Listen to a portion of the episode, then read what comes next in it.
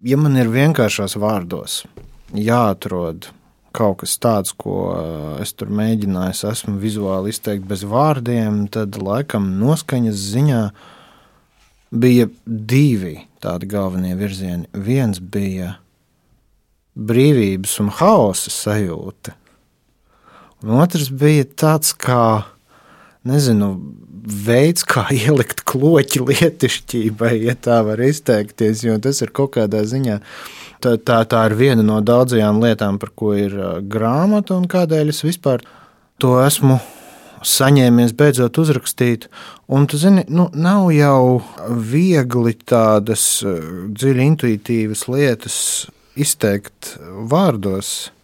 Ja to varētu izteikt tikai vārdos, diez vai man būtu jāzīmē vāks priekš tam. Bet nu, visvienkāršākajā veidā es varu pateikt, ka grāmatas noskaņa ir apmēram tāda, kāds ir tas vārds, lai ko tas arī nozīmētu. Grāmata ir par mazpilsētas māksliniekiem. Un Tur ir eh, trīs tādas galvenās eh, līnijas, jo tāpēc, mākslinieckā vide ir tendence sastāvēt no ļoti plaša cilvēku pulka. Un tā mana lielā ambīcija bija tāda, ka es gribēju parādīt to vidi gan no iekšpuses, gan no ārpuses. Un tad eh, viens no galvenajiem varoņiem ir cilvēks, kas ir tas, kas patiešām ir ļoti, ļoti dziļi iekšā visā tajā mazpilsētas mākslas scēnā. Bet savukārt šis kungs ar nosaukumu Dizāžio, viņš tur ir tāds nu, no tādas privileģētas pasaules ieklīdes iekšā tajā dīvainajā mākslas ārprātā. Un, nu, un tad tālāk, tālāk tā jau ir kaut kāda platforma, lai skatītos, eksperimentāla platforma, lai paskatītos, kas tur īsti notiks. Jā. Nu, bet vēl dizāžio ir arī tāds itāļu jēdziens. Ja? nu, jā, tas Ta ir. Ja? Tas jā, nav jā, fiktīvs. Pastāv, pastāv. Ja? Nē, tas nav fiktīvs. Es to atradu svešvārdu vārnīcā. Viņš patiešām tāds eksistē. Un, uh, tas nozīmē, Ļoti vienkārši izsakoties, tad, kad tu nomaini kaut ko vienu vērtīgāku pret kaut ko citu, kas ir mazāk vērtīgs, naudu, pieņemsim, vai vērtspapīrus, vai tur es nezinu, ko vēl, tad uh, tas zaudējuma, tā starpība, ko, kas rodas transakcijas laikā, tas ir tas dizāžio. Un, uh, es jūtu, ka es dabūšu diezgan daudz šo skaidrot cilvēkiem, bet nu, nekas pats vainīgs. Mm, bet tad, kad es pirmo reizi izdzirdēju vārdu dizāžijā, un teica, kāds zina, ko nozīmē vārds dizāžijā, neviens nezināja, bet man likās, wow! Tas ir tik skaists vārds. Man pilnīgi vienalga, ko viņš nozīmē. Es pats sevi gribu saukt par, par dizāžu. Nu, tā kaut kā tas no tāda iekšējā joka pārauga par literāru tēlu ar diezgan plašu vēsturi.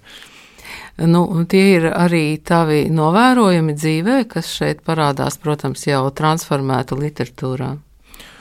Jā, tur ir ļoti maz kā, kas vispār nav dzīves novērojumi. Tas, kas nav dzīves novērojums, tie mazie procenti, tas atkal savukārt ir radies tādā literāra ķīmijas eksperimenta rezultātā. Saliec vienu lietu no dzīves kopā ar citu lietu no dzīves un paskaties, kas šādā varbūtības scenārijā notiktu. Šis iet prom no kaut kādiem seriālismu un maģiskā realismu virzieniem. Šis iet kaut kur drusciņ tuvāk pie zemes Man jau pēc Hofmas cilvēka tā teica, ah, bet tu par mums raksti. Lai gan, nu, it kā jau nē, bet tev šajā laikā. Bet tomēr. Nu, tādā, nu, kā par fenomenu noteikti, jā. Fragmentiņš no paša sākuma. Jānim C. mūždien veicās. Tas bija neticami, lai ko viņš darītu. Viss alaži noritēja kā pēc optimistiska, pat ja nedaudz bērnišķīga scenārija. Protams, ja viņš pēkšņi būtu izdomājis par pēdējo naudu sapirkties loterijas biļetes cerībā laimēt miljonu, laimēt visticamāk neizdotos. Bet tur arī slēpās Jāņa C. apbrīnojamās veiksmes atslēga. Viņa vēlmes un ieceres bija tik pieticīgas, ka no procentuālās varbūtības viedokļa tām daudz sarežģītāk būtu nepiepildīties, nevis piepildīties. Viss, kas viņam bija nepieciešams no dienas dienā, bija istaba ar elektrību, kaut kas ēdams, ar makaroniem un buļļonu kubiņu parasti bija diezgan, kaut kas pietiekami abrazīvs, lai uz tā varētu uztriept eļļas krāsu, kā arī dažas eļļas krāsas, ko uz šīs abrazīvās virsmas uztriept. Obligāti kadmijas sarkanais, kobalts zilais un zeltainais okers, vēlams arī cinka baltais un saža gāzavē. Viss pārējais, kā viņam patika izteikties, bija greznība un erotika. Par erotiku. Tā arī Jānim C. bija vajadzīga, bet ne nepieciešama. Viņš deva priekšroku sievietēm, taču situācijās, kad sievietes nebija pieejamas, tie ir labi prāti iztikt ar sava dzimuma pārstāvjiem. Un vispār erotikai Jāņa C. izpratnē obligāti nebija jābūt seksuālai. Dažkārt māksla radās pat labāk, ja psihoķīmiskajos receptoros bija sacēlusies maza viesuļvētra, un to visu tā sacīt nebija iespējams izlaist ārā pa veidlodziņu.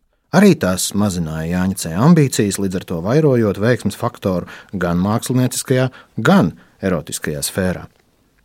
Vēl pāris jēdzienu, kas Jāņa C. pasaulē nepastāvēja, vismaz ne klasiskajā nozīmē, bija tā saucamais darbs un tā saucamā atpūta. Varētu teikt, ka Jānis C. sāka strādāt brīdī, kad pēc miega atvēra acis, un pārtrauca brīdī, kad pirms miega tās aizvēra. Taču tas nebūtu īsti precīzi, jo lielu daļu interesantāko darbu viņš bija noskatījis sapņos un nomodātos tikai pārgleznojis pēc atmiņas uz dažādām abrazīvām virsmām. Un visu šo laiku Viņš bija tik apmierināts un atslābis, ka izskatījās sadzēries. Tuvākie draugi zināja, ka tad, ja no Jāņa cēsējas pazudis smaids un kustības kļuvušas koncentrētas un stingras, viņš visticamāk ir izdzēris 200 gramu hektāru un izpīpējis kāsi. Kas attiecās uz naudu, Jānis Cēto nekādi nesaistīja ar strādāšanu. Viņa pasaulē starp darbu un ienākumu apjomu nebija tiešas korelācijas, un vispār nauda viņam vienmēr bija likusies pārāk abstrakta, lai par to uztrauktos apdrukātus papīrīšus un metāla ripiņas, kas ik pa laikam atradās atvilktnēs vai starp grāmatu lapusēm, viņš vēl saprata.